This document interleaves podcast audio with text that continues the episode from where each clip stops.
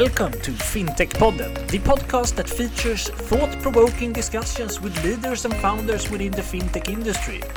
From core banking to Bitcoin, we cover it all. Now, get ready for the next episode. Hello, and very welcome back to another episode of FinTech Podden. In today's episode, Johan and I have invited Daniel Arenstrup, who is co-founder and CEO at a wealth tech and fintech company called Savr. Very welcome to FinTech Podden, Daniel. Thank you so much. How are you today? I am fine. I'm uh, trying to get everything in place before Christmas as everyone else. So it's uh, long days and a lot of energy drinks. Yeah, you just uh, popped a, a Nocco here.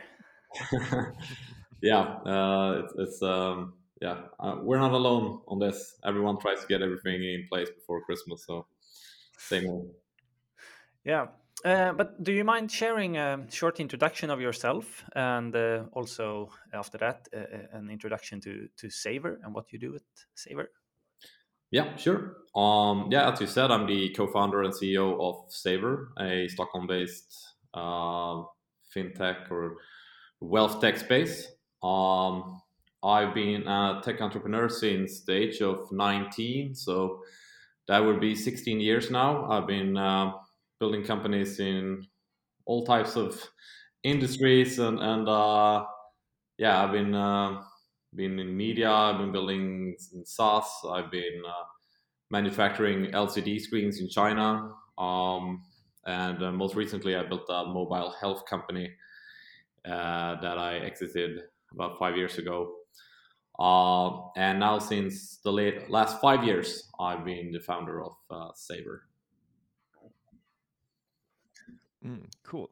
And like, um, if we take it like this, like, how would you describe Savr for someone that isn't into the fintech and wealth tech space?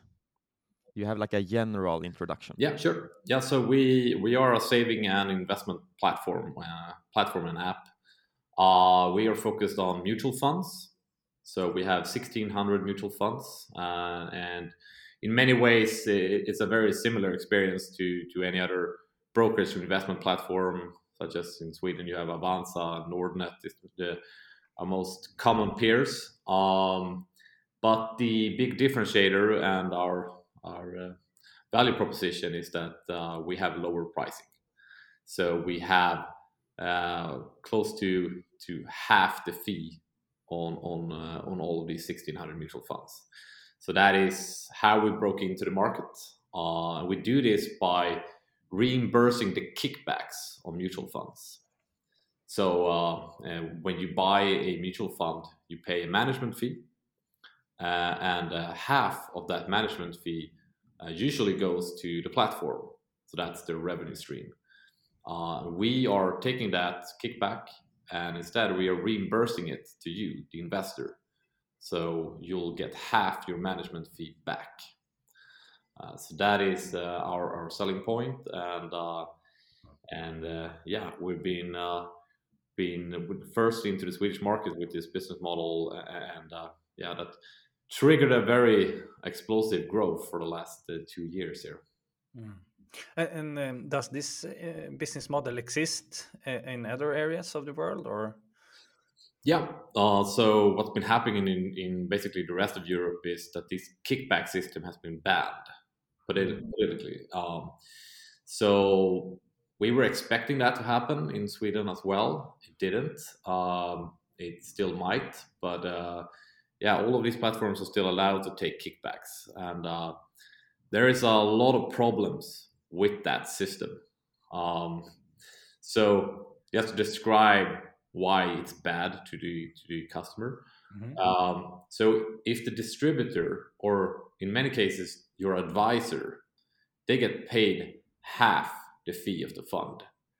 In that way, they get all of the incentives to recommend an expensive fund to you.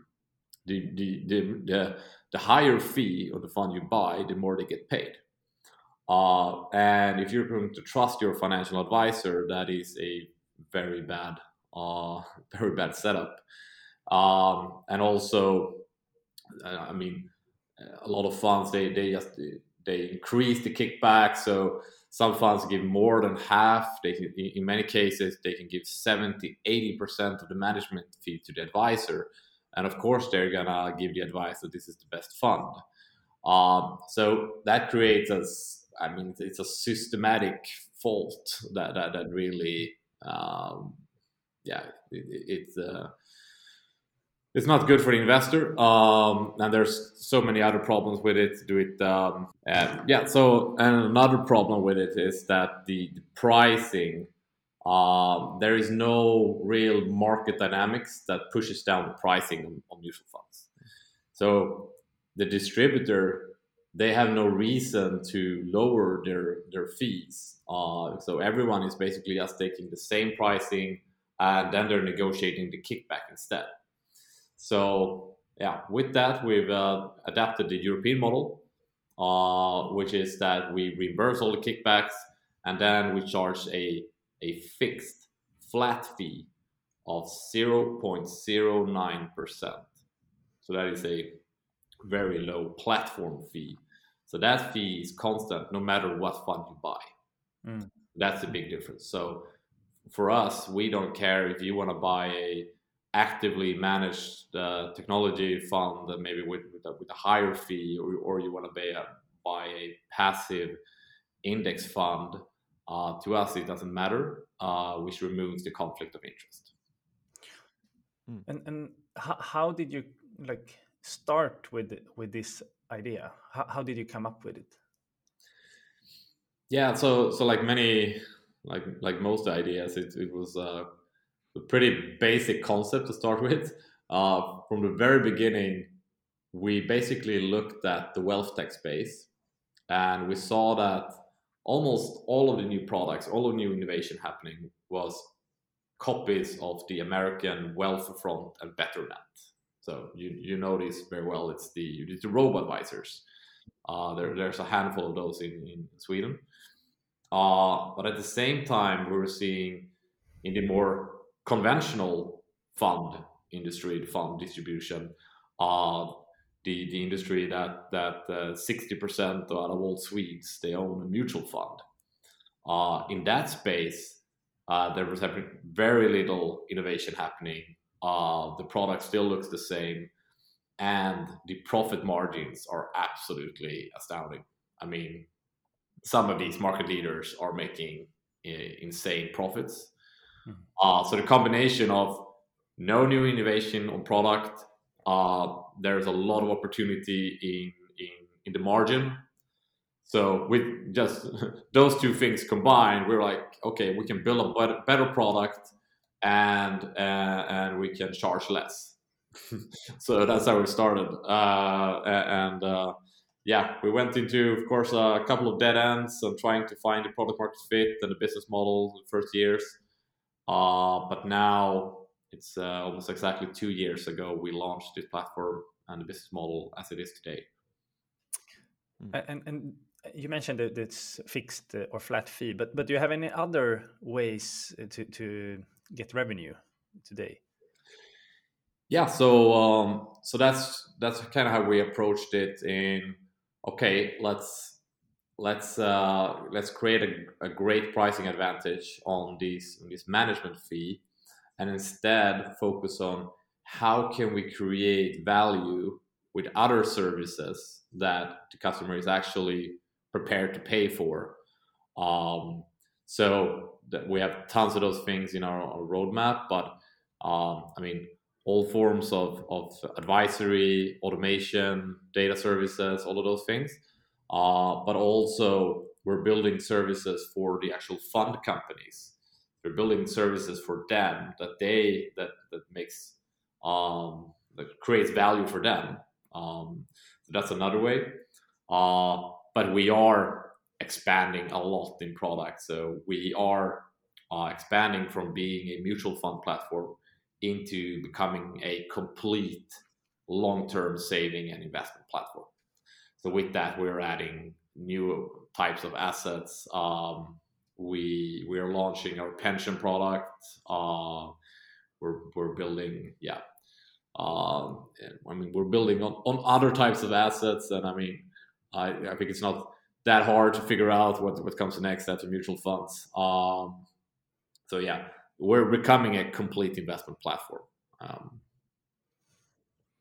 and right now, you're only active in Sweden. Is that correct? Yeah, correct. Yeah, and are you looking to expand in the short term, or is uh, the focus on Sweden still? Yeah, we have. Uh, we definitely have a very high ambition on on, uh, on building a pan European company. Um, I mean, I, I've, I've built a couple of smaller ventures uh, before, but uh, but me and my co-founder coming into this, it's we're swinging for the fences, uh, and uh, and uh, the plan is to build a true pan-European platform. Um, so yeah, we're um, we're on, on, a good path to that. We have some some uh, some great owners, uh, and uh, yeah, um, I think we, we're taking some pretty big steps next year. Uh, and can we look back a bit and maybe you can describe a bit how the journey has been? Like you said, you launched a product for two years ago, but you have been doing this for a longer while. Yeah. Like, how has the journey been, like from start till uh, today? Yeah, I mean, uh, we've uh, you've all probably seen like some uh, kind of uh, time timeline for building a startup. I mean, you have the you have the valley of death, and you have the sudden euphoria moment when you think you've done it and then you crash and uh, i mean yeah um, i really i really like a uh, uh, a quote from uh, uh, jack dorsey uh, it's called Jack Dorsey, the Twitter founder. Yeah, yeah, yeah. or the previous, uh, the, the founder, the founder. CEO anymore. Yeah. CEO. Um, I think someone asked him like, "How do you feel to be Twitter being an overnight success. Uh, and, he, and he said uh, it takes a lifetime of hard work to become an overnight success. Mm-hmm. Uh, I mean, that's, that's really, I like a lot of, when you see Savr, we've had an explosive growth since we launched two years ago. But exactly as you said, was a lot of hard work. The the three years before that, just trying to find the, the, the right product market fit. Um, so yeah, I mean, we we started with uh, with absolutely nothing. We, we raised a pre-seed round on a four-page pitch deck. Uh, we hadn't even incorporated the company yet. We just uh, we went out into our network and some investors that invested in me before, uh, and they just yeah, they they just uh, invested in in the idea of us building something in the space. That was basically where we started. Mm. So it was a it was a very early seed round, um, and from there we just tried to get the team in place, the tech, and the regulatory. So mm. that in itself took at least a year, um, and then we managed to we tried to literally build the minimum viable product and I mean absolute minimum viable product. Like, how can we get the regulatory in place, the tech in place to actually have a customer buy a mutual fund inside an app? so we created this super simple app where you, the only thing you could do was buy and sell one single mutual fund. That was all you can do. Uh, uh, you can so when you when you deposited money, it bought uh, bought into the fund uh, and, and, when you sold it, withdraw the money immediately. Uh, so that was like the minimum viable product, and then we uh, we tried to to build from that and iterate. at the same time, we started to see this opportunity. Okay, we want to build this complete saving platform, and there's a great great competitive edge here uh, with with reimbursing the kickbacks We've seen it in the rest of Europe. No one's doing it in Sweden. And I think that was the when when we saw this opportunity, our my first thought was was the, the, the classic thought of thinking, why has no one done this before? Mm-hmm. and I think a, a lot of uh, uh, founders, entrepreneurs have been thinking that question. Um, and, and we, we we digged quite a while into that question, and, my first thought was probably, I mean, I mean, it was such an obvious opportunity. If everyone, everyone is charging the same price for the same products. Why is no one? Why, why is there no one just doing 10% lower pricing? Like I, I, you would get old customers. I, I, I didn't get it. Um, but uh, so I thought, yeah, probably it's not possible. Um, but when we digged into it, we realized that the answer is actually that no one's doing it because everyone is making so much profit. And they're just they're like looking at each other and we don't lower the pricing you'll not lower the pricing. And we're just let's just keep going. Um, so yeah i mean when we realized that we realized okay it needs to be someone who has nothing to lose someone that comes from the outside eh, without any market share to lose um, that it needs someone new to break that uh, that dynamic. And uh, yeah and we realized that we just went for it. Um, but it, it, wasn't it wasn't easy. I mean this is on really powerful uh, players that are dominating the market. And um, so what we did when we, we, we really built everything under a lot of secrecy uh, basically no no one in the market knew we were launching we built the platform and then uh, 24 hours before launch we called uh, hans bolander which is one of the uh, most uh, senior uh, financial journalists on Dagens Industri in Sweden. And we told him in 24 hours, we're going to drop this bomb and it's going to change the mutual fund industry forever. Um, so we, gave him an exclusive interview. And then we were sitting at night and we were sitting waiting for the article to launch, uh, refreshing the page. And at the same time that he dropped the article, we launched the site. Um, so with that, we really just tried to to just uh, take everyone off guard. Um, yeah, that was uh, interesting days to follow from from that. Yeah, uh, uh yeah. And go ahead, Johan. Yeah, do you have any like uh, numbers for, uh, of where Savr are today, kind of like users and assets and so on? Yeah, sure. We've been quite transparent with that. So we're currently at the 85,000 customers, and we have uh, uh, passed 4 billion SEK in, in assets under management. Um, so yeah, I mean it, it's uh, becomes quite uh, exponential with this business model. I mean more customers and they deposit more money, and and uh, we, we've got a very um, our acquisition model is very it's built on virality, you know, organic growth in many ways. So uh, built on we have a referral program where customers can invite each other. Uh, that is truly the at, at, the core of our our uh, our acquisition, model, uh, our growth, customers inviting each other.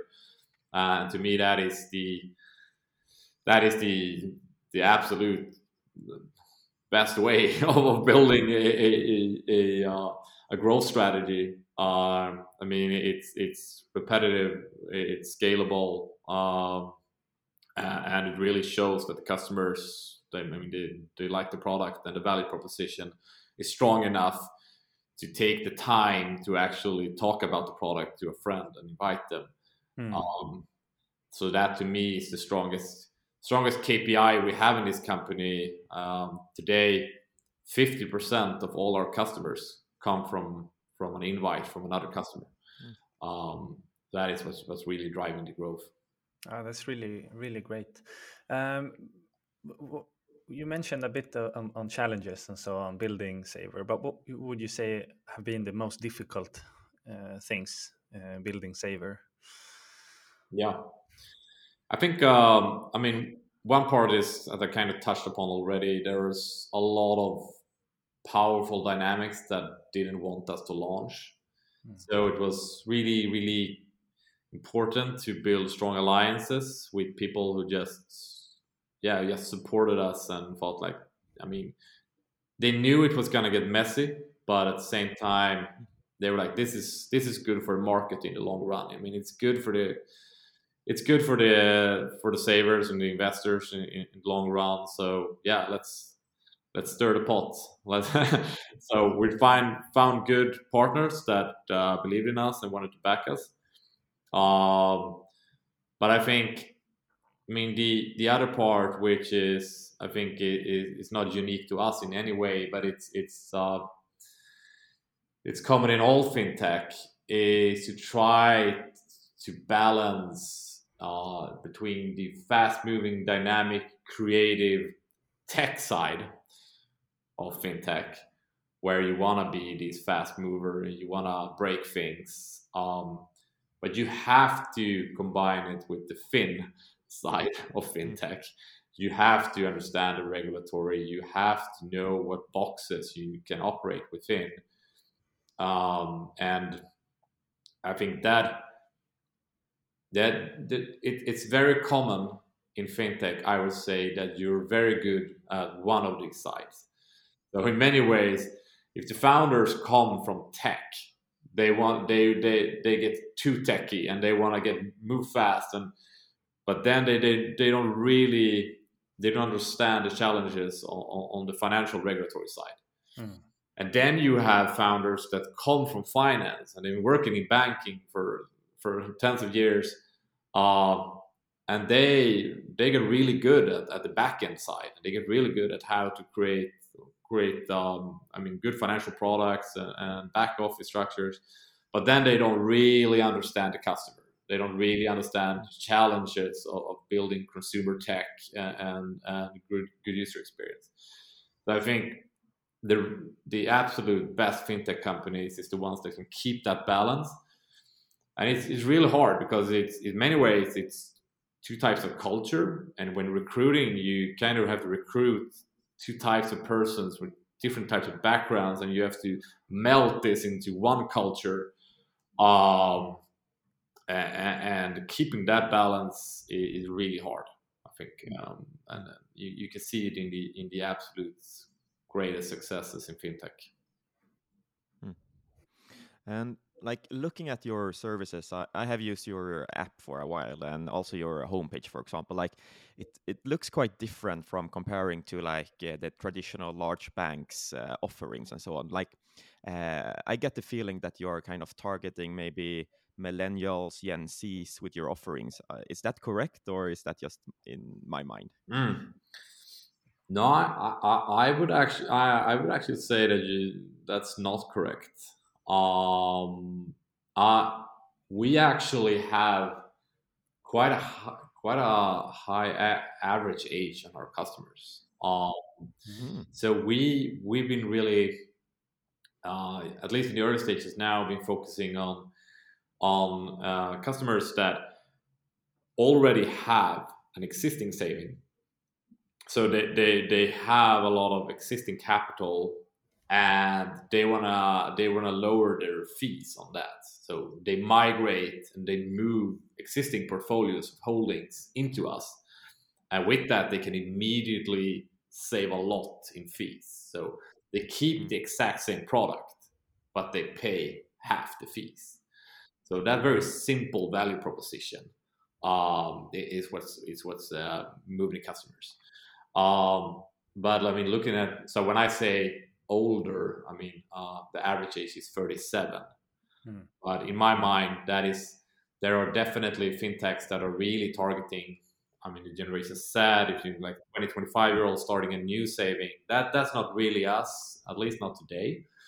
Um, so yeah, but uh, mean, looking at the user experience, there we've been really trying to rethink uh, and and there I think it's we've been having the beneficial of, of not coming from the finance. Like we've been really thinking of like how can you recreate the especially the experience of finding your investments. That's something we've been we built a completely unique experience. So if you've ever bought a mutual fund on an investment platform if it's at your bank or if even it's at, at the the, the brokerage platform. It is basically a data table. It looks like an Excel sheet. Like you can sort in funds in alphabetical order or order of fees and returns, but it's just a bunch of data in a table. Mm. Uh, and we quite shamelessly found inspiration from App Store and Google Play, and thought like, how can we how can we handle these these mutual funds like products, like apps? Uh, so we created a, a, store experience where you can browse themes and strategies, and you can read about the funds, and it's rich in content, and, and uh, so it's a completely different experience where where you can yeah you can browse and build your portfolio and, and actually get a sense of what it is you're investing in.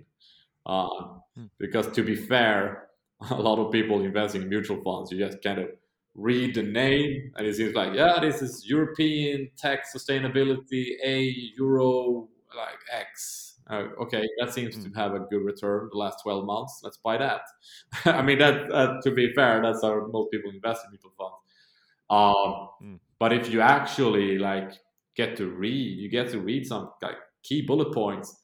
All right, this is a mutual fund. They uh, they believe in, in in in this type of technology. They're investing, you know, long-term horizon into entrepreneur-driven, small to medium cap companies. Uh, their biggest holdings are like, yeah, it, it's uh, uh, Alphabet and it's it's uh, Nintendo or whatever. I mean, when you actually see, okay, this is the companies they're investing in. This is what the the um, the uh, asset managers. This is what they believe in. Like it's actually uh, it, adds another layer to that, and it's uh, it's quite a new experience. Um, and I mean, I think that is that is also a missed opportunity that we're trying to find ways for the asset managers to actually get a bit closer to the investor. Because if you invest in a mutual fund today, I mean, you you get like you get no feedback of what what they're doing with your money. So if you, I mean, if you take a step back and look what what if you invest into a mutual fund, what are you actually doing? So it, it's you're giving your money to someone else to buy stocks for you instead of you doing it yourself. I mean that's that's and you pay them a one percent per year to do that. And and if you do that, I mean I would like to have some some feedback. I would like to have an investor report once a month, like, hey, uh, this is what I'm doing with your money. Uh, I've been out, I've been meeting companies, I've been meeting founders, uh, I've been analyzing uh, these gaming companies, and, and, like, I believe in, in this and that. So this is what I'm doing with your money. Like that is the experience I would like to have when investing in a mutual fund, uh, and you're not really getting that. Um, so that's what we've been trying to do as well to find ways to create that experience. You get the feeling like, okay, I've chosen these guys to to manage my money. Um, they're working for me. I'm paying them to do this. Uh, like, let me know what you're doing. Uh, otherwise, I'll I'll, I'll uh, replace you. um, so yeah, we're trying to find that experience. Hmm.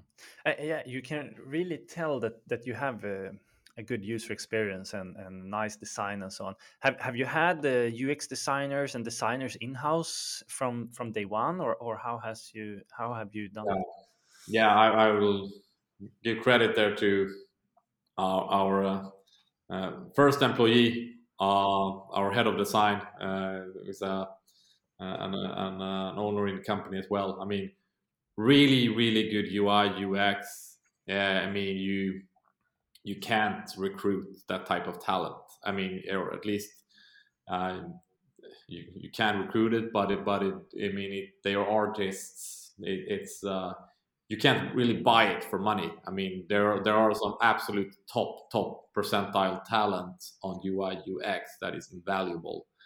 Um, and we had a good fortune of of, uh, of uh, knowing Johan Tibell, our head of design, from previous ventures. Uh, so yeah, it's it's an it's invaluable, and it's it's it's a thing like you can't really. It's not like you can you can't hire fifty UI UX uh, like designers and think that solves the problem. It, I mean, it comes down to uh, 50 mediocre designers can't replace one absolute top top mm-hmm. uh, talent. I mean, so that's why it's so hard to to recruit uh, on, on sign, I would say. Um, so yeah, uh, I think um, that is, that is a truly a really hard part of building top yeah. consumer today. Um, totally agree. Um, but but looking a bit broader on, on the market in, in the wealth tech uh, area, what what are your thoughts on on on the market and, and where we're heading in the coming years in, in more general terms? Yeah. Yeah, I mean, uh, I mean, looking at wealth tech, I, I basically see two mega trends. So you either have the really fast trading apps such as Trade Republic, Robinhood, Freetrade. Uh, that is a young audience. Uh, they wanna they want to get rich fast. They buy they take a lot of risk. They buy crypto and uh, GameStop and uh, meme stocks and Tesla with leverage. Uh, um, to be fair, I mean it's basically treating the market as a casino. Um, I mean that and that also reflects in the business model of these companies. Uh, and they've seen some really really explosive growth and they're super profitable. I mean it's a it's been great investments for for uh, yeah into those companies. Um, I do see that that business model is not sustainable. I think it's going to get regulated, and you're already seeing it with payment for order flow. Uh, it's getting regulated on or, or uh, on its way to get regulated. Um, so that's that's one of the super trends. And the other trend that's been going on for a while as well is the robo advisors. I mean, as I said, it's it's the uh, I mean, like Wealthfront the Betterment was first in, in the US with that, uh, and uh, yeah, most people listening to this probably know that model, but it, you're you're paying to get a get a portfolio of uh, of low cost uh, index ETFs. Uh, it's kind of like a, uh, yeah, you can't beat the market. Just buy low cost low cost ETFs. Uh, will help you, and we'll charge a couple of base points to do that. So I mean, it's been going on for a while, but I would say you haven't really seen that hyper explosive growth with it. I mean, some of these companies are still struggling to to to really make a dent into the market. Uh, and I see there are some risk of these products becoming commodity because you're seeing the banks or all of the banks have their own robo advisor today. All of the brokerage platforms have a robo advisor, and it's really hard to create a different uh, create your differentiator. I mean, to me, it's almost like a race to the bottom in pricing. Like who can do this at the cheapest, and at some point, someone is going to do it freemium so you get a, a free robo advisor and, and they, they monetize somewhere else.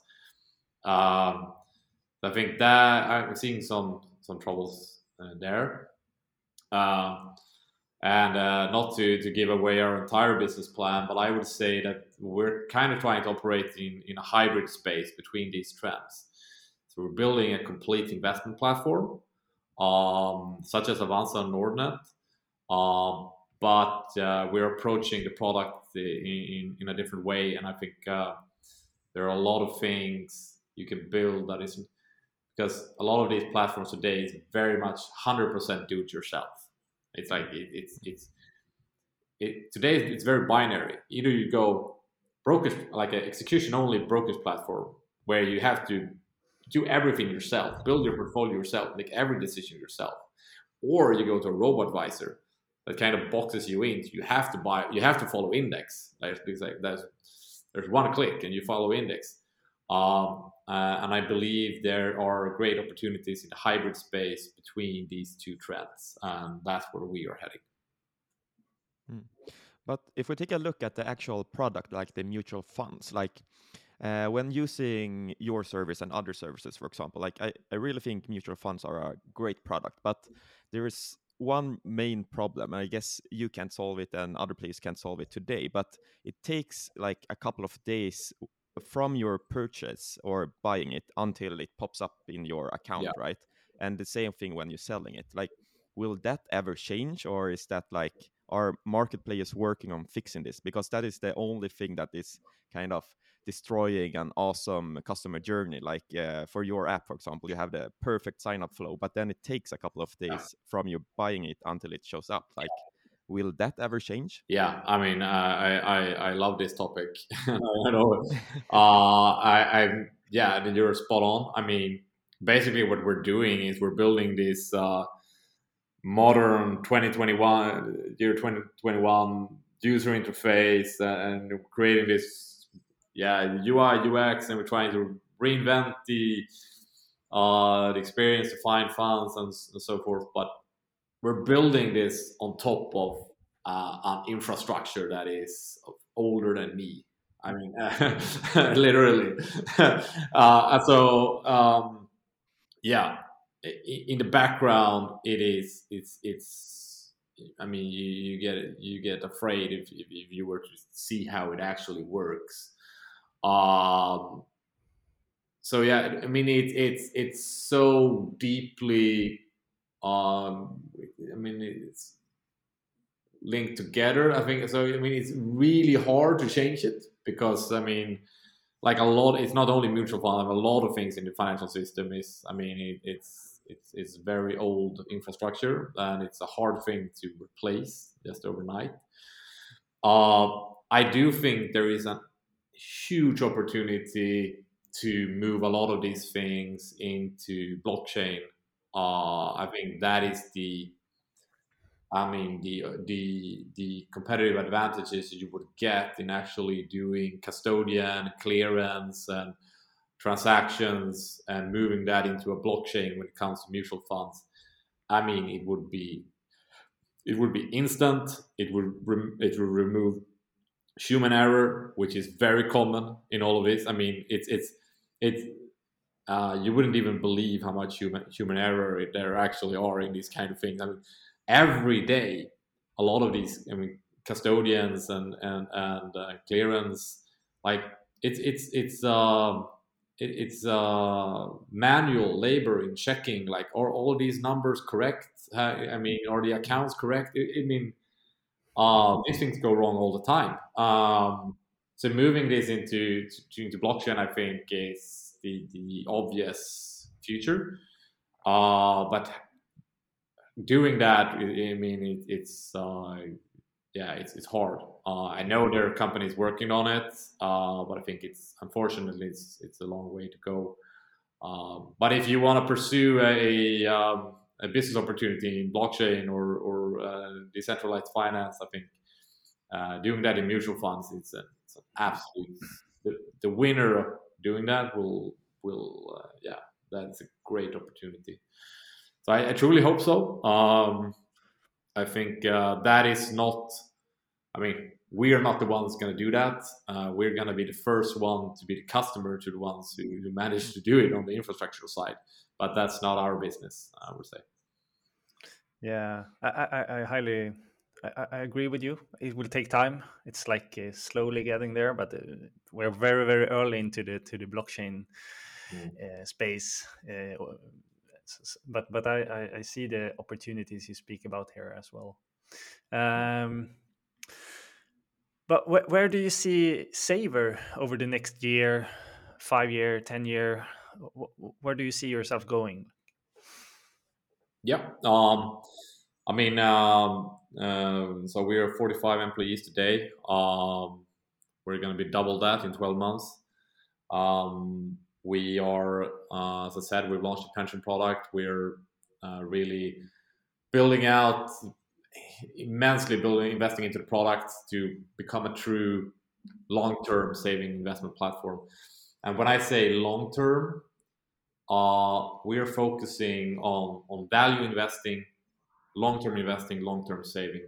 So we are not moving into uh, trading uh, and kind of the behavior with the Trade Republic and that type of uh, yeah intraday uh, day trading. Um, so we've we've uh, we've tried to find, found our, our niche there. Um, so that and and uh, yeah, we've had a we have a rollout plan into Europe, so that's very ambitious. So uh, we're moving as fast as we can into that. Um, so uh, yeah, that that is our first step. So the the absolute vision is to create uh, a pan-European investment platform under one product, one brand, under Savr. Um, and I think that opportunity is really there now, but uh, historically it's been quite hard to build a pan-European fintech company or wealth tech company. There are very few examples of that. I would say. I mean, there's a lot of local brokerage platforms, um, but I think I mean it's like eToro, DEGIRO, maybe they're considered pan-European, but uh, otherwise it's. I mean, typical is like Avanza that is Swedish or Nordnet that's in the Nordics, and then you have other players in, in Germany that maybe goes into Austria or, or I mean, it, it's kind of like clustered local plays. Um, but I think with new uh, regulations and new opportunities in, in a lot of different, uh, everything from open banking to digital signatures to uh, MIFID 2. A lot of things things comes together. So I think the opportunity to build a pan-European platform really is now. Uh, so that's what we are pursuing.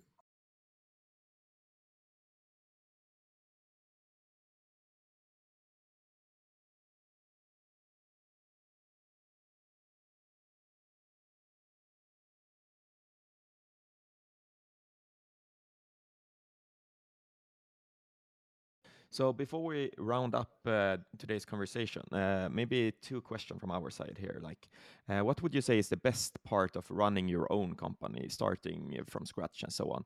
And then the second one, like, do you have any tips for founders that are kind of in the situation you were in for five years ago, like having an idea and starting out? Like, what would you what would you give them for for advice, kind of? Yeah, sure. Um, yeah, so I've been uh, I've, I've been running my own companies for for basically all of my life. I've never actually had a real job uh, except selling ice cream when I was a teenager. Um, so I, I really never known anything else. But um, from what I've learned, I think one of the most important thing is is to you must understand that it is a very very long journey. Um, I mean, the most the most successful examples of, of uh, tech companies. I mean, it, it's decades. Um, so you have to you have to safeguard your own well-being when building a company, and I think it's so common that founders they burn out. They, and I think the most common thing is that you get too closely attached to the success of your company, and if you if your own well-being is directly linked to the success of the company i mean you will go through hardship you will go through the valley of death you will run out of money you will fail on fundraising uh, can't pay salaries and if your if your heart is in it too much that is going to be very very painful to you. Um, so i think to me, a lesson from building a couple of companies is that you need to create some kind of distance to this, and you have to try to to don't uh, don't go down with the the success of the company. Uh, that will that will make sure that you have the energy uh, to to really get through these these hardships. Um, so yeah, I think that that is uh, that is just something uh, I've learned the, the hard way as well myself. Um, but otherwise, I mean, yeah, building a building a company. I mean, it's the ultimate way of of, of uh, releasing your own creativity and, and, building the things you really care about yourself. Um, at the same time, I'm also I think in Sweden we're we're so focused on like who is the entrepreneur and who is the founder of the company? And and, and I'm, I'm actually quite allergic to to putting the founders too much on a pedestal. I think in in the us it's more like you can come in as a very early employee. You can be the coo the cmo you can be the cfo of a company. You can be the first employees and you can get really good stock options and you can make a a great financial journey yourself and you can make a, ton of money uh, just being an early employee into, into into a company, you don't actually have to be the founder. I think that is typically a way, especially uh, with Sweden having so uh, historically having very poor like stock incentive programs. It's really hard to share the ownership of a company. So it's mostly being like the founder owns the company and then everyone else is employees. But uh, with the new new option laws in Sweden, I think it's easier to yeah if you don't wanna if you don't have an idea yourself, you don't you don't as, uh, necessarily need to be the CEO of a company. Find a, a, an early startup where you can come in early, you get uh, you you go down in, in salary, but you take stock incentives instead, and then you you're in for a, for a ride that way. So that's another tip. So don't don't get too hung up on that you actually have to start from a blank page if, if that's not what you want to do. And a lot of I think a lot of like if you're if you're a good CTO or if you're a really good designer or, or something, I mean you're uh, you can be invaluable to a new company. Not everyone needs to be the CEO. I think that's uh, that's not always the the funniest job either. I would say, uh, especially when you scale up, you're not you're not really. Uh, yeah, I mean, if you're a developer, you don't want to be the CEO. Um, mm. No. Mm. Yeah, some good good advice there. Um, but uh, if if anyone wants to to try out Savr or get in contact with you, where where can they find uh, more information? Yeah, sure. So we're at uh, savr.com. So that's S A V R.com. You can find us on App Store and Google Play. Uh, and if you want to reach me, I'm at daniel at savr.com. Nice. Johan, do we have any final final questions or are we good for today? I think we are very happy from our side. I think we have learned a lot about the market and also Savr as a product and so on. So we are very happy, and I think our listeners will be that as well. So uh, thank you very much, Daniel, for coming here and sharing your knowledge with us. Thank you, Gustav and Johan. And that was it for today's episode. We hope that you liked it. Both I and Johan are very happy and thankful that you're listening to us. And if you like what we do here, please go into iTunes or whatever platform you're listening from and leave a review or a rate. We would appreciate that a lot. We will soon be back with another episode, and until then, have a good time.